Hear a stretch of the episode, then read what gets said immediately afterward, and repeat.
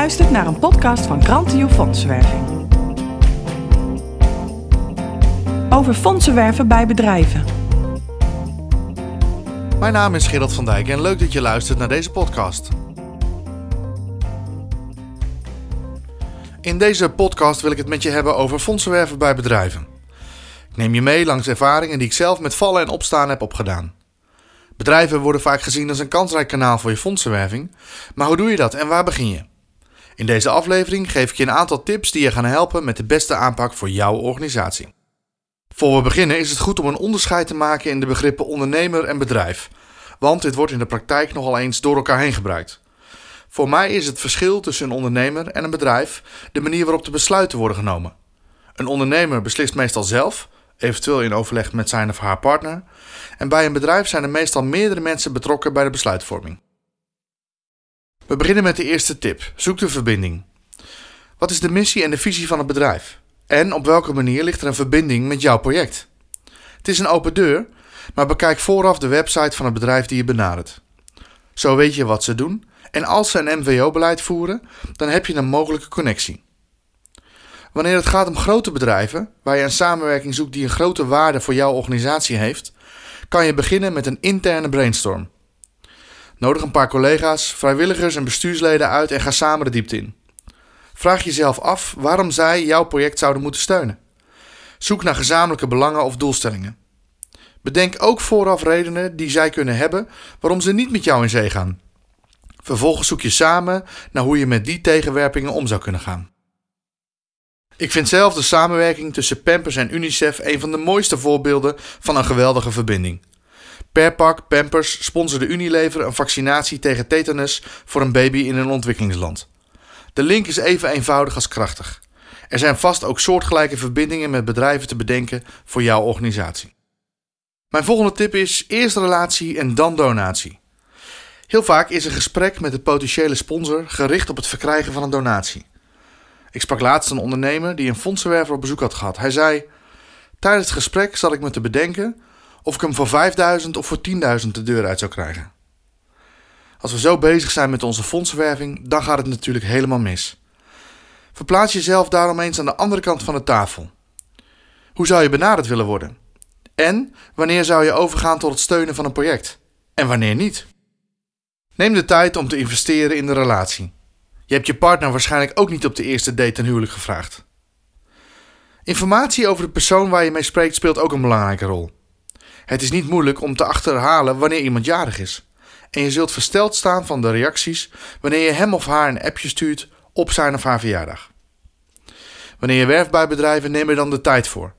Vandaag zaaien, morgen oogsten werkt hier ook niet. Zorg voor een gericht plan van aanpak, waarbij je de doelstelling opknipt in de benodigde activiteiten per doelstelling. Keep it simple, dat is mijn volgende tip. Wanneer je zoekt naar de verbinding en inzet op een relatie, kom je op een punt aan dat je een voorstel kunt indienen. Ik heb voor een organisatie gewerkt in ontwikkelingssamenwerking. Een van de goedlopende projecten was de aanleg van waterputten. De verklaring voor het succes laat zich raden. Je hoeft niet uit te leggen wat het belang is van een waterput. Ik wil je daarom uitdagen om te denken in waterputten. Met andere woorden, probeer nut en noodzaak van jouw projecten zo duidelijk neer te zetten dat het net zo duidelijk is als bij een waterput.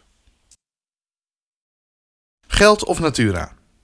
Het liefste wil je natuurlijk geld voor jouw project en het liefst ook zonder oormerk. Dat geeft jou de ruimte om het te besteden daar waar het nodig is.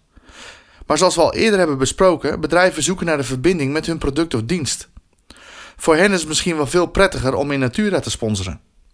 Daarbij is het vaak zo dat sponsoring in Natura voor de sponsor minder kost dan een sponsoring in geld. Voor je bedrijven gaat benaderen is het daarom goed om een aantal vormen van sponsoring uit te werken. Denk dus niet alleen in de vorm van geld, maar ook aan materialen, tijd, netwerk en expertise. Daarbij kan een sponsoring starten in de vorm van Natura en in een vervolgfase ook overgaan in de vorm van geld. Natuurlijk moet het daarbij wel gaan om zinvolle sponsoring. Durf dus ook nee te zeggen tegen aanbiedingen waarmee jouw project niet geholpen is, maar leg dan wel uit waarom je nee zegt. Sponsoring is niet het einde. Je zult het misschien niet geloven, maar een groot deel van de goede doelen die een overeenkomst sluit met een bedrijf voor sponsoring, laat daarna niet of nauwelijks meer van zich horen. Want ja, de deal is binnen, dus het werk zit erop.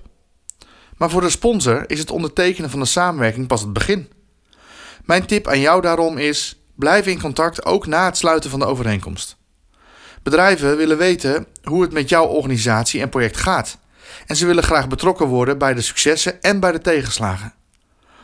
Als je weer denkt aan het voorbeeld van de waterputten, hoe gaaf is het als de sponsor een filmpje van 1 minuut ontvangt waarop te zien is hoe de dorpelingen de put in gebruik nemen? Als ik zo'n filmpje zou krijgen, zou ik dat meteen doorsturen naar mijn vrouw en familie. Kijk, dit is de waterput die wij mogelijk hebben gemaakt. Ze gebruiken hem nu. Houd ook, of misschien wel juist, contact als het bedrijf even niet wil of kan bijdragen. Trouw en loyaliteit lijken tegenwoordig wat schaars te worden. Je onderscheidt jezelf wanneer je één of twee keer per jaar van je laat horen, ook wanneer het bedrijf even niet bijdraagt. De tegenprestatie. Bedenk vooraf wat jouw organisatie te bieden heeft aan potentiële sponsoren. Werk uit in sponsorpakketten wat je kunt bieden voor welke sponsorwaarde. Je kunt denken dat jij met jouw stichting niet zoveel te bieden hebt aan een groot commercieel bedrijf.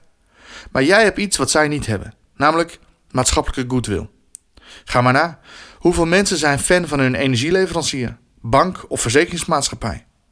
Maar mensen zijn wel fan van natuurmonumenten, War of UNICEF. Dat is een van de redenen waarom bedrijven zich willen associëren met goede doelen.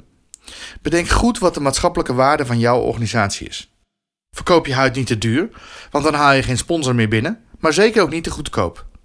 Stem vooraf goed af of en hoe je de samenwerking bekend maakt.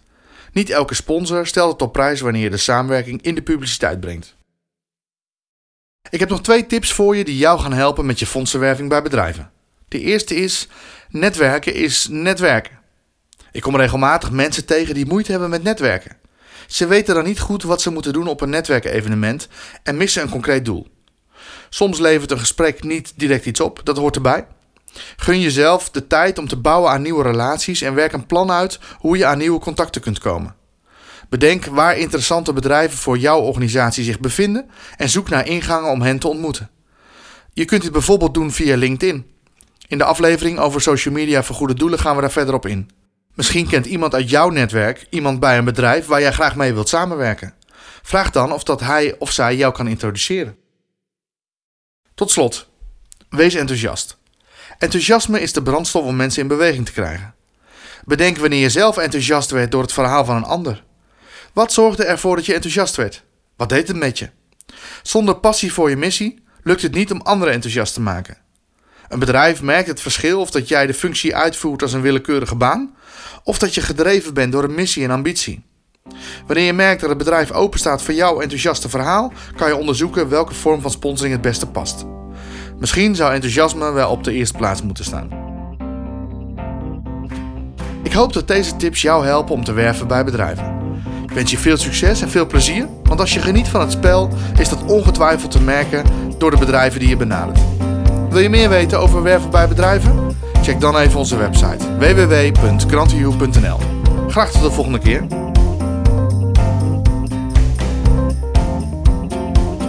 Heb je vragen? Stuur je mail naar podcast.grantioe.nl